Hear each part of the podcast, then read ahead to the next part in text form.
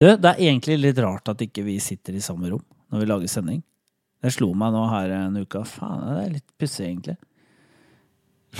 Lurer på åssen det hadde blitt nå. Jeg lurer på, det- jeg lurer på om det hadde blitt annerledes hvis, du hadde, hvis vi hadde vært i samme rom. Det er rart at det, at det plutselig slo deg nå. Nei, bare sånn Faen, det hadde vært uvant, da. Altså Ja, gjort det. ja, ja, ja. Eh, ja. Nei, men jeg tror lytterne tror at vi sitter uh, i samme rom. Ja, det gjør det. Tenker noe. Jeg sier det jo gang på gang, at jeg sitter i Bodø, dere sitter i Oslo. Ja, men det, det, går ikke, det går ikke inn. Det tror jeg ikke gjør. Ok. Jeg kjenner lytterne så godt. altså, såpass. All right. Jeg tror vi må bare komme oss i gang her.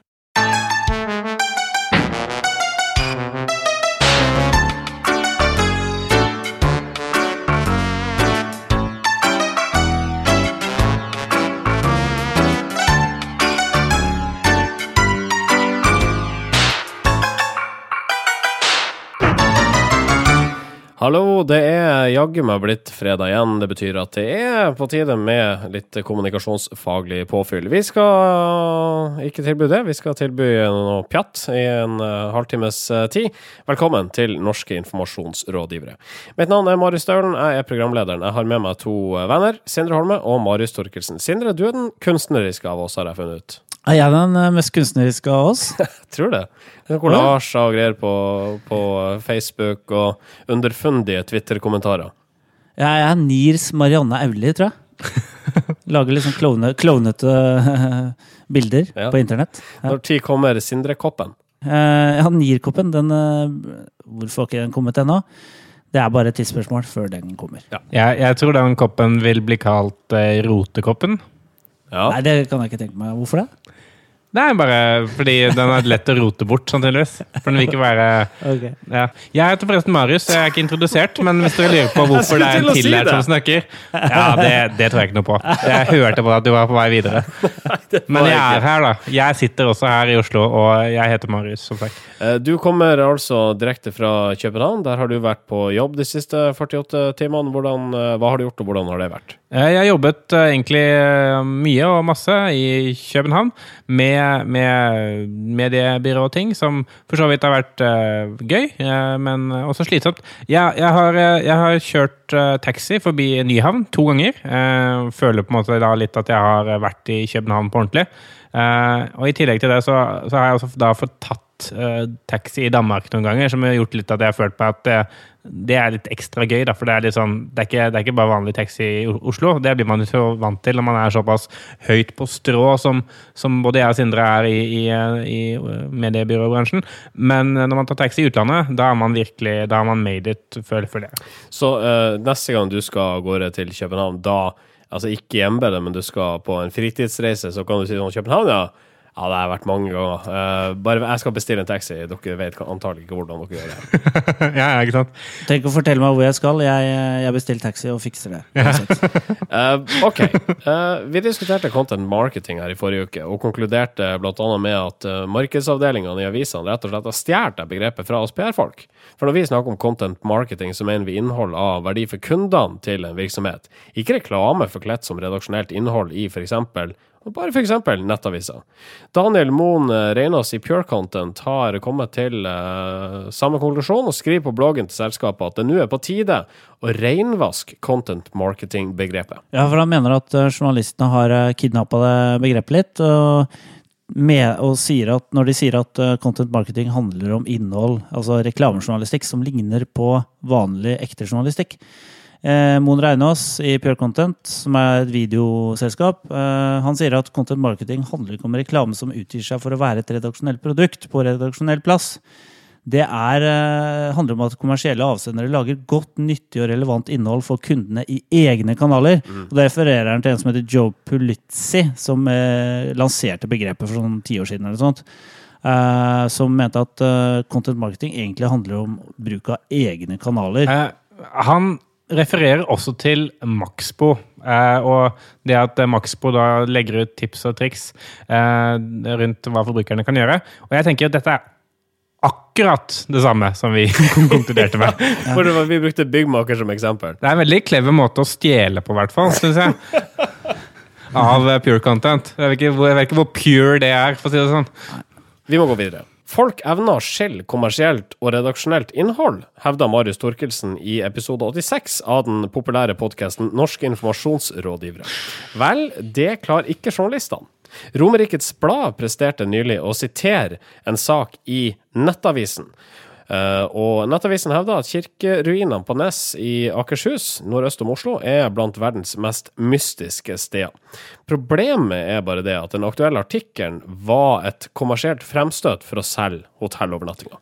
Ja, uh, det beklager jo Romerikes Blad at de har Eh, sitert en kommersiell sak hos Nettavisen. Eh, redaktør Magne Storedal sier selv at eh, jeg så at dette var kommersielt stoff, og at det var merka godt, så det er ikke noe problem.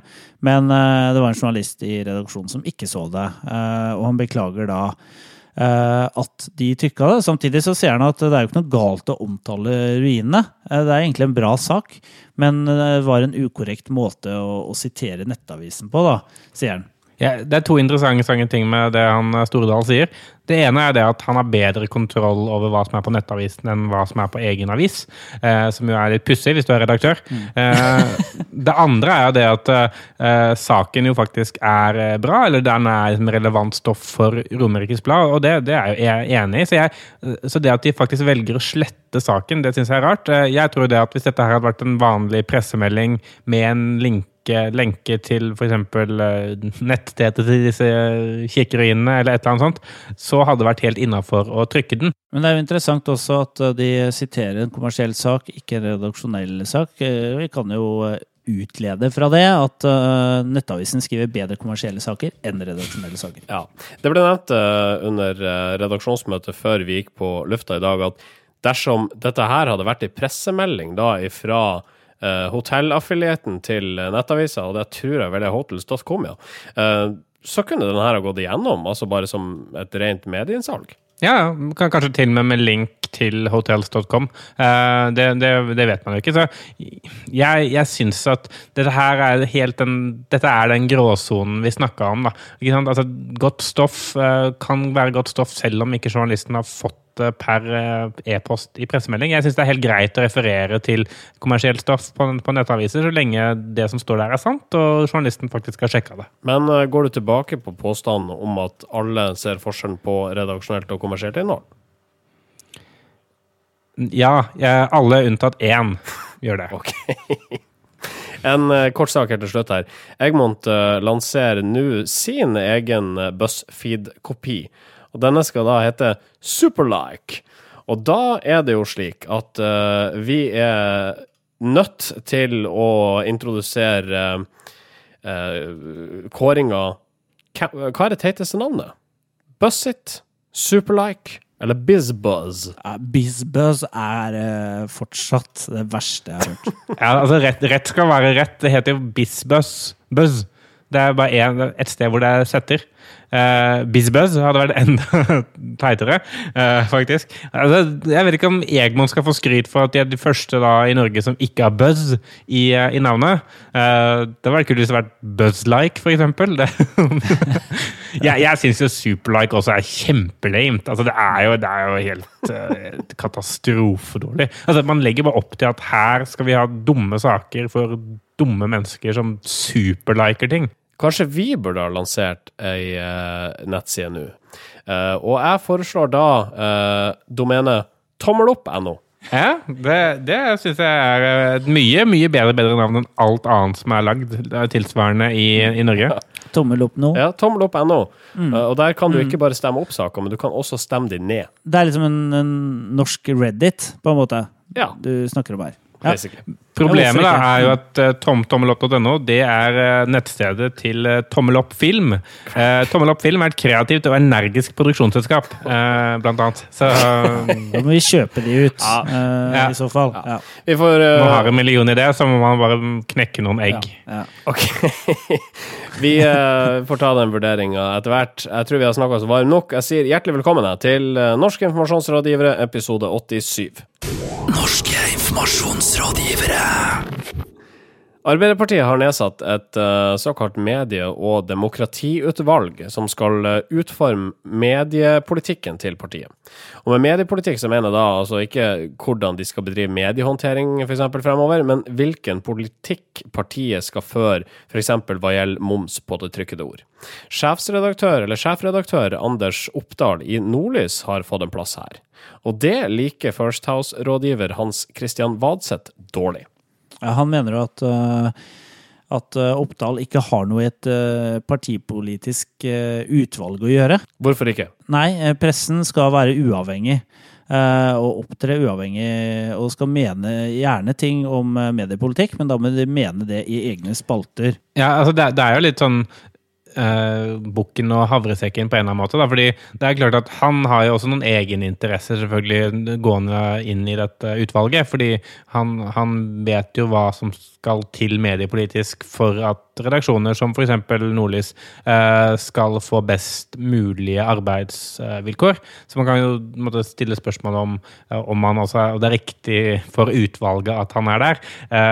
samtidig så så er han jo ekspert på dette. Og det er klart at eh, partiene er, vel, er, jo avhengig av folk som vet hva de snakker om, og faktisk vet hvordan mediepolitikken påvirker norske nyhetsredaksjoner, og kanskje med så fersk mulig kunnskap som mulig. Og det er klart at det å sitte i et sånt utvalg er ikke en fulltidsjobb, det er mer en sånn deltids... Eller altså, kanskje en ting du gjør en gang i måneden. Da. Du sitter i utvalget, drikker Mozell, spiser skolebrød og ja. diskuterer mediepolitikk. og det er klart at så lenge han ikke er liksom leder av utvalget og ikke skal konkludere, så er jo altså innspillene hans må jo Arbeiderpartiet velge om de vil ta til ettersyn eller ikke. Altså, jeg, jeg mener her, Det er jo lov til eh, for Arbeiderpartiet å, å, å sette sin mediepolitikk ut på høring, på en måte. Altså innhente gjøre intervjuer med redaktører, høre henger dette på greip, hva synes dere, hva, hvordan er deres hverdag? Men hvis du sitter i et utvalg eh, i et parti, eh, så har du på en måte tatt et, et valg med å være knytta til en politisk eh, eh, tankegods, da, eh, tenker jeg. Og jeg, jeg syns det høres altfor Det høres ikke ut som han kan opptre uavhengig med troverdighet. Det er jo også en, en annen bekymring, selvfølgelig. Eh, Oppdal har jo vært mye i mediene de siste par ukene, fordi han er også da redaktør for. Eh, så det er viktig at Arbeiderpartiet sjekker at liksom det dette utvalget kommer opp med, er noe som de faktisk har laget selv, da, ikke tatt fra noen andre partier.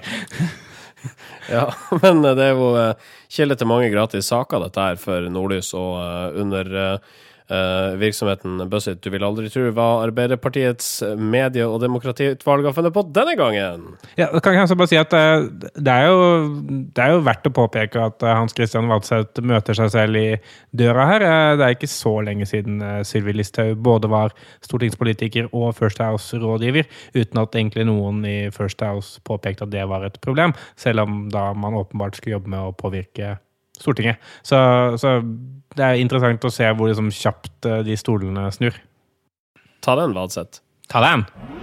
Norske informasjonsrådgivere. Harrybåtrederiet Stena Line balanserer på kanten av den såkalte knivseggen når de reklamerer for sine båtturer over til Målboland. For eh, på sine plakater som henger både her og både der, så annonserer de med at det nå er 20 eh, lavere priser på det du vet. Eh, og det er ikke mine ord. Ifølge Stenaland er det altså 20% på det du vet.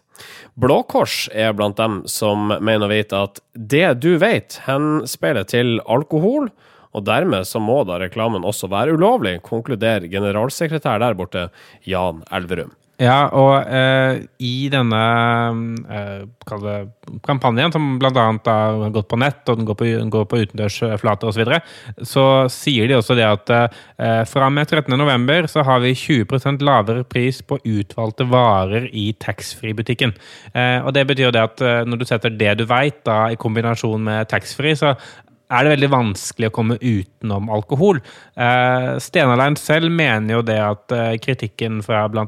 Blå Kors om at dette her er ulovlig alkoholreklame, ikke treffer, fordi de nevner jo ingen produkter i eh, i eh, reklamemateriellet, og derfor er det egentlig teknisk sett innafor. Selv om alle forstår at dette er alkohol. Altså Det siste sier de ikke, men det forstår jo alle. Det er jo litt vittig. Han eh, sier Jesper Waltersson i Stenaline sier at det er opp til, det er opp til å tolke for hver enkelt hva det du vet eh, betyr.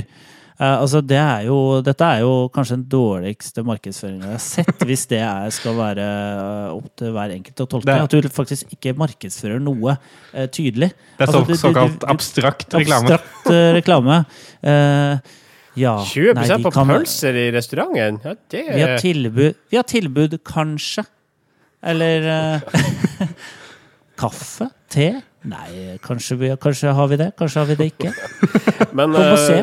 skal, skal vi ta i, NIR-rådets vurdering, da? Er dette her uh, innafor eller ei? Jeg, jeg, tror den, altså jeg tror for det første at uh, når dette her blir tatt, på i Markedsføringsrådet, så blir det felt. Uh, fordi det er åpenbart og, altså Alle assosiasjonene går automatisk til alkohol. Og så kan man diskutere om det er et eh, problem for Sten- eller ikke. Men, men altså, sannsynligvis så, så blir de felt på det. Og så er det om, om de da bør bli felt. Altså, sånn, Teknisk sett så sier de jo ikke noe om at dette, her han, at dette, han- handler om Bacardi Raz, eh, men, men det gjør de jo altså det, de, de gjør jo det. Det er jo det de skal selge, og det er jo 20% rabatt på alkohol i taxfree-butikken. Så altså sånn det er jo faktisk et tilbud som gjenspeiler det som de sier.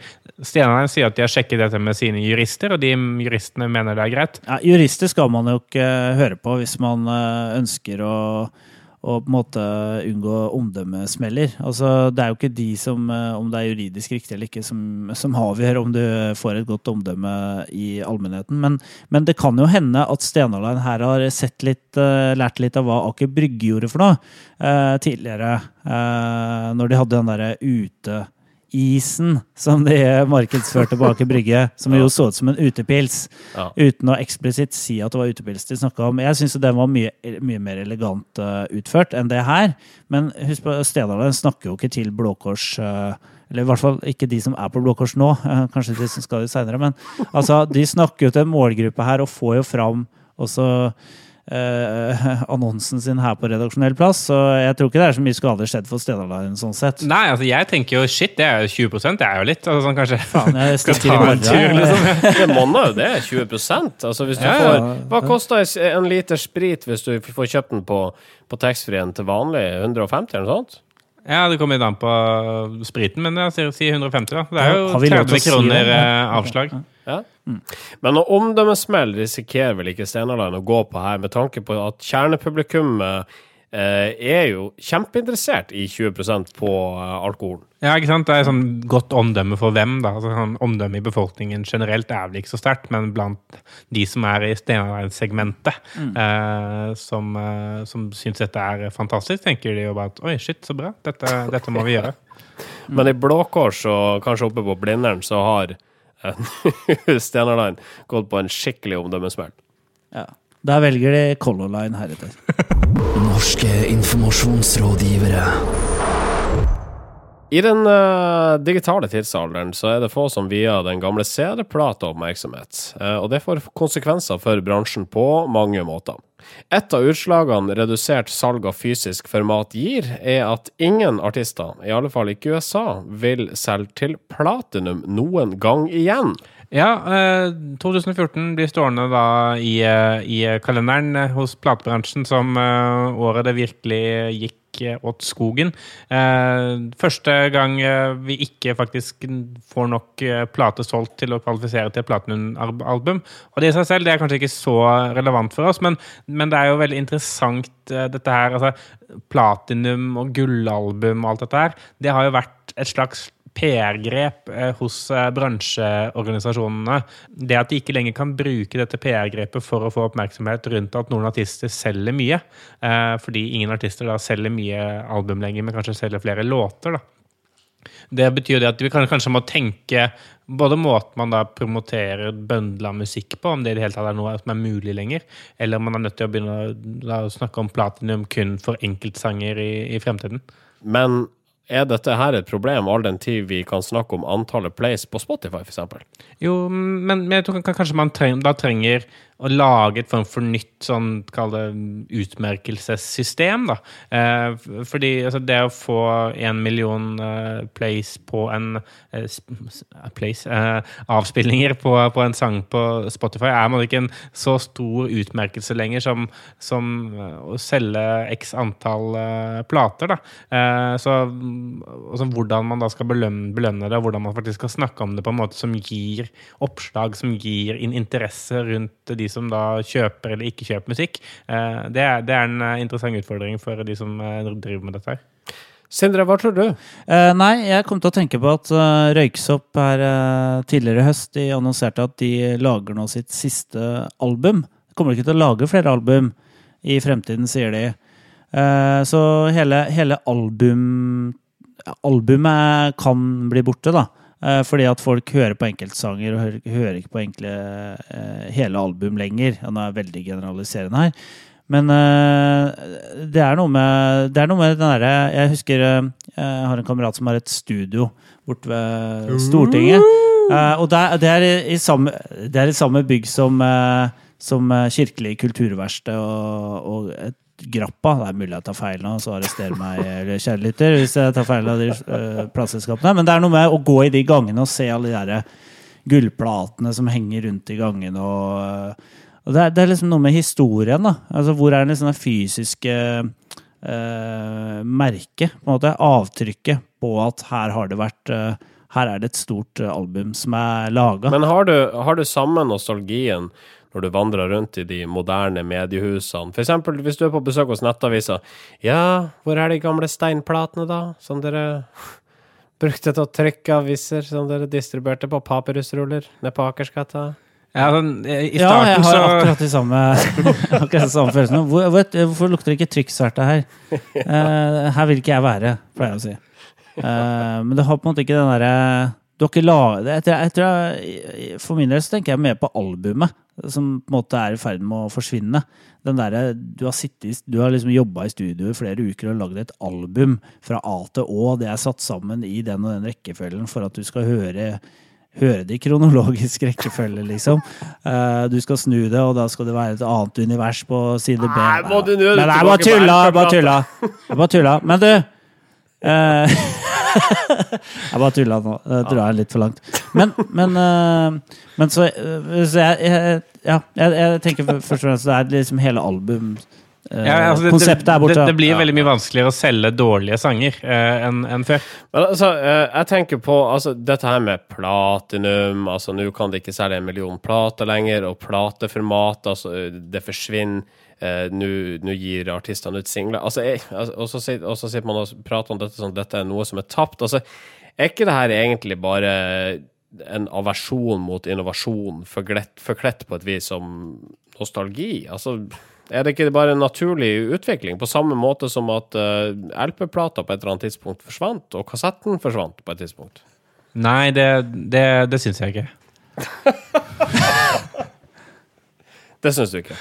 Nei, det syns jeg ikke. Uh, nei. Men uh, Jo, jeg, jeg er helt enig. Og artister går jo i studio oftere nå. Det er jo sånne Lady Gaga og Miley Cyrus. du, De, de er jo i, ofte i studio mens de er på turné. Fordi de spiller inn flere låter gjennom hele året. Så det er jo sånn det kommer til å bli. Så jeg, jeg er enig i det at uh, det er ikke noe vits å dvele ved det derre Faen, vi hadde jo øh, laga album hvor fem av låtene er dritdårlige. Altså, det skal, det skal publikum få slippe å lide seg gjennom. La de heller høre de øh, gode låtene og slippe å bruke tid på det fyllet som er mellom det bra. Og det er jo egentlig en kjempebra ting. Ja, kjempebra. Dritbra! Tommel opp for at vi ikke må bli hefta med dette platinum-gnålet noe mer. Ja. Det syns jeg, jeg er fantastisk. Ja, kjempebra. En uh, interessant Twitter-konto har fanga oppmerksomheten vår uh, nå. Det er den svenske avisa Metro som står bak den. Viralgranskeren heter kontoen, og der lover journalistene å hjelpe dem å finne ut av hvorvidt historier som spres i sosiale medier, er sann eller ei. Altså, det er jo så mange eh, nettsider der ute som egentlig er satiresider. Og så er det andre som, eh, manipulerer. Det er mange som eh, trenger ikke å kunne mye Photoshop for å få lage en fake eh, VG-forside, f.eks. Eh, og late som om noe har stått i VG som faktisk ikke har stått der. Og de tar tak i, i stoff og, og, og ser særlig da saker da, som har gått viralt, som er blitt spredd veldig mye. Så ser de er det hvordan er sannhetsgehalten? Er det riktig, eller er det feil, det som blir påstått der? For eksempel så tar de opp en, en sak her eh, hvor det er en, et amerikansk sånn viralnettsted viralneste som påstår at det finnes en, en New York-artist som selger eh, kunst, altså usynlig kunst, hvor kundene betaler millioner. Eh, hvor de bare kommer inn i et rom hvor det er en hvit vegg, og så betaler de millioner, og så tar, tar de med seg kunst, kunsten hjem. Altså, de tar med seg den hvite veggen hjem. Ja, er, ja altså, de tar ikke med seg veggen heller, de bare tar, tar med seg lufta, da. Eh, fordi kunsten er usynlig. Eh, og dette, dette har de faktasjekka. De har kontakta det påståtte galleriet. Funnet ut nei, dette skjedde ikke. Så denne saken må man bare slutte å dele. Jeg, jeg må komme med en liten innrømmelse. Jeg, jobba på, eh, på nettet på TV 2 eh, for sånn ti år siden, eh, på sommeren. Og da hentet vi klipp av saker fra internasjonale nettsteder som var litt sånn Gjerne litt sånn kuriosa-saker som var litt sånn Er dette mulig? Ja ja, de skriver det, så da er det vel det. Altså, det, Det var jo ofte sånn at man ikke Man gikk ikke akkurat til kilden, man gikk til den derre engelske eh, sensasjonskilden og tok det for god fisk. Det var én sak jeg husker jeg skrev om. eh, om eh, det var en sånn innenlandsflyvning i Kina der en, eh, en mann ble kasta av flyet fordi at han hadde prøvd å spytte. Eller han skulle lukke opp døra mens de var i lufta for å spytte ut. Og kinesere er jo kjent for å spytte veldig mye, eh, også inne. Eh, og det, det var sånn Og det husker jeg, den skrev jeg og tenkte Var det der sant? Antagelig så var det ikke det. det var han prøvde å åpne døra i fart. ja, mens du var høyt opp på 10 000 meters, eh, eller fots høyde, da. Ikke sant? Og ble liksom overmanna av flyvertinne. Og det vet jeg ikke om var sant den dag i dag, men det er sånn som jeg hengt ved meg og tenkte at hvordan kunne jeg finne ut om det var sant? Egentlig burde jeg ikke skrevet saken, for jeg kunne tenkt at hallo, uh, gjort som viralgranskeren sier, regn eh, rekna til 60 innan du deler, sier de. Altså, vær, vær litt forsiktig med ting som du liksom tenker at det her er vel kanskje for drøyt til å være sant. Så la være heller å dele det. Takk, eh, takk, Sindre, for at du delte, delte det med oss. Jeg vet det har vært, må ha vært tungt, Jeg skulle eh, ikke men delt det, egentlig. Nei, men du gjorde nå det. Faen, vi har, skulle hatt en egen sånn skriftespalte, for dere har sikkert masse drit på samvittigheten deres òg. det burde vi ha, faktisk. Ja, det bør vi ha. Skrifterommet. Men, eh, Ja, faen, det, la oss ha det. Ja. All right, vi går videre. Ukas medieinnsalg. Medieinnsalget går til Kirkens Nødhjelp. Det er alt jeg har i sendeplanen min, så uh, fill me in. Ja, eh, Kirkens Nødhjelp eh, fikk jo eh, veldig god dekning på NRK eh, på søndag. Særlig. De hadde NRK P3 hadde de hele dagen, hele døgnet. Eh, Og det hadde NRK1. eh, Og flere dager før det også. Og det var fordi at Kirkens Nødhjelp hadde TV-aksjonen. Så uh, maken til uh, medieinnsalg eh, har vi ikke sett eh, siden forrige TV-aksjon. Det er utrolig bra altså, det, er jo, det er jo bra på en måte at uh, dette blir gjort hvert år. Fordi det er klart at Kirkens Nødhjelp trenger uh, all, den, uh, all det oppslaget de kan få. Fordi de eh, prøver å løse mange katastrofeutfordringer rundt omkring i verden. Eh, men jeg syns det er veldig så kult hvordan de har faktisk For jeg syns ofte disse TV-aksjonene er litt kjedelige. altså Det er jo forferdelig osv., men det er litt kjedelig. Eh, og jeg syns jo NRK og Kirkens Nødhjelp har vært veldig flinke til å lage liksom kule konsepter og kult innhold eh, på tvers av alle plattformene til eh, NRK. Spesielt P3 egentlig har vært veldig veldig flinke eh, til å måtte gjøre dette her gå for livet, holdt jeg på å si, eh, til en litt sånn relevant, kul greie å følge med på. Eh, så så, så det, det krever litt jobb eh, og også faktisk at folk skal gidde å se på det og legge merke til det selv om du er på NRK, så måtte trykke det opp i trynet på alle, uansett. Men, men eh, likevel så har de klart å ta det ut på en, på en bra måte, og det fortjener uh, det, altså. Det var ingen fra TV-aksjonen som kom til meg. Jeg satt og venta, litt cash klar. Men uh, det ringte ikke på. Og ikke så jeg på TV heller, så jeg fikk ikke med meg noe som helst. Men uh, jeg leser nå at uh, TV-aksjonen skrapte inn 239 millioner. Kjempebra, Kirkens Nødhjelp, som altså uh, får uh, medieinnsalget denne uka. Det er en hedersbetegnelse, dette, altså. Ja, absolutt. Høyeste grad. Ja, grattis. Ikke gjør dette. Fotografen Steven Butkus har den siste uka gjennomført et prosjekt for hotellet The Thief ute på Tjuvholmen i Oslo. Uh, han bodde på et rom der i åtte dager og inviterte forskjellige kulturpersonligheter dit for å bli portrettert. Arbeidet skal da resultere i ei fotoutstilling. En av de såkalte kulturprofilene som kom på besøk, var Hege Grostad, som i Dagbladet omtales som sexarbeideraktivist. Samme avis kunne stolt fortelle at deres granskere hadde sett på Instagram at Grostad hadde tatt LSD før hun kom til fotoshoot. Vi får uh, begynne å nøste allerede herifra. Hvem er det som ikke skal gjøre hva? Eh, vi mener at uh, det TIF uh, burde uh, helst ikke være assosiert med en luksusprostituert, uh, som da Grostad er. Hvorfor ikke det? Nei, fordi at et hotell det klinger veldig dårlig for et hotell å være assosiert med det. Selv et luksushotell? Ja, selv et luksushotell ønsker vel ikke å være assosiert med prostitusjon. Altså, jeg, altså, jeg syns jo det er, det er luksusprostitusjon. Ja, øh, men øh, det er jo masse det, Luksusbiler bør heller ikke være assosiert med luksusprostituerte, selv om det er luksus. Uh, Luksusleverpostei bør heller altså, ikke Nei, kanskje ikke de heller. Ikke vet jeg. Og, altså, det er ikke men, luksus som er problemet her? Nei, problemet er jo at altså det er, det er, veldig, altså Petter Stordalen er jo en kunstinteressert fyr, og det, er veldig kul, det høres ut som et bra prosjekt å, å ta portretter av kulturpersoner. Eh, på hotellet. Men jeg vil jo, det er vel en del av et utvida kulturbegrep å, si at en luksusprostituert er, prostituert, er en kulturperson. Så det at han har for eksempel, han har jo da, Fotografen har jo tatt bilde av Charlotte Thorstvedt, Thomas Seltzer og Magnus Williamson. Og det er spennende folk som, eh, som driver med kultur på forskjellige måter. Eh, men eh, hadde jeg vært hotellet, så hadde jeg vært, eh, hatt strengere retningslinjer da, på hvem som skulle vært med i prosjektet. Og Hege Grostad er jo ikke en person som egentlig er veldig sånn skjult på hvilke meninger hun har. fordi eh, denne Dagbladet-artikkelen som omtaler denne saken, omtaler denne, denne, saken, den tar en litt sånn rar vending. fordi eh, et av de punktene som Dagbladet nevner, er blant dette med at hun har tatt LSD. da, Og hun, hun sier jo selv til, eh, til Dagbladet ja, hun har tatt en moderat dose av LSD før hun ankom hotellet. Og så sier hun LSD er, i, er, et ugiftig rusmiddel, i motsetning til alkoholen som selges på The Thief.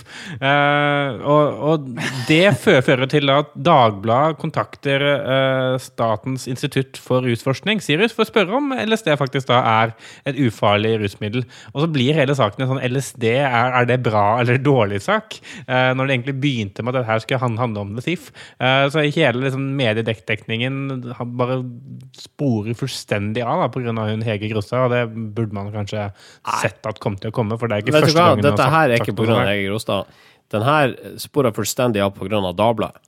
Jo, men, men Dagbladet ja, vil jo det, det, det er jeg helt enig i. Altså, det er jo uh, at en uh, sexarbeider har tatt LSD under en uh, fotosession, er jo helt uinteressant. Det skjer vel hver dag, sikkert. Men altså at Stordalen Skjer det hver dag?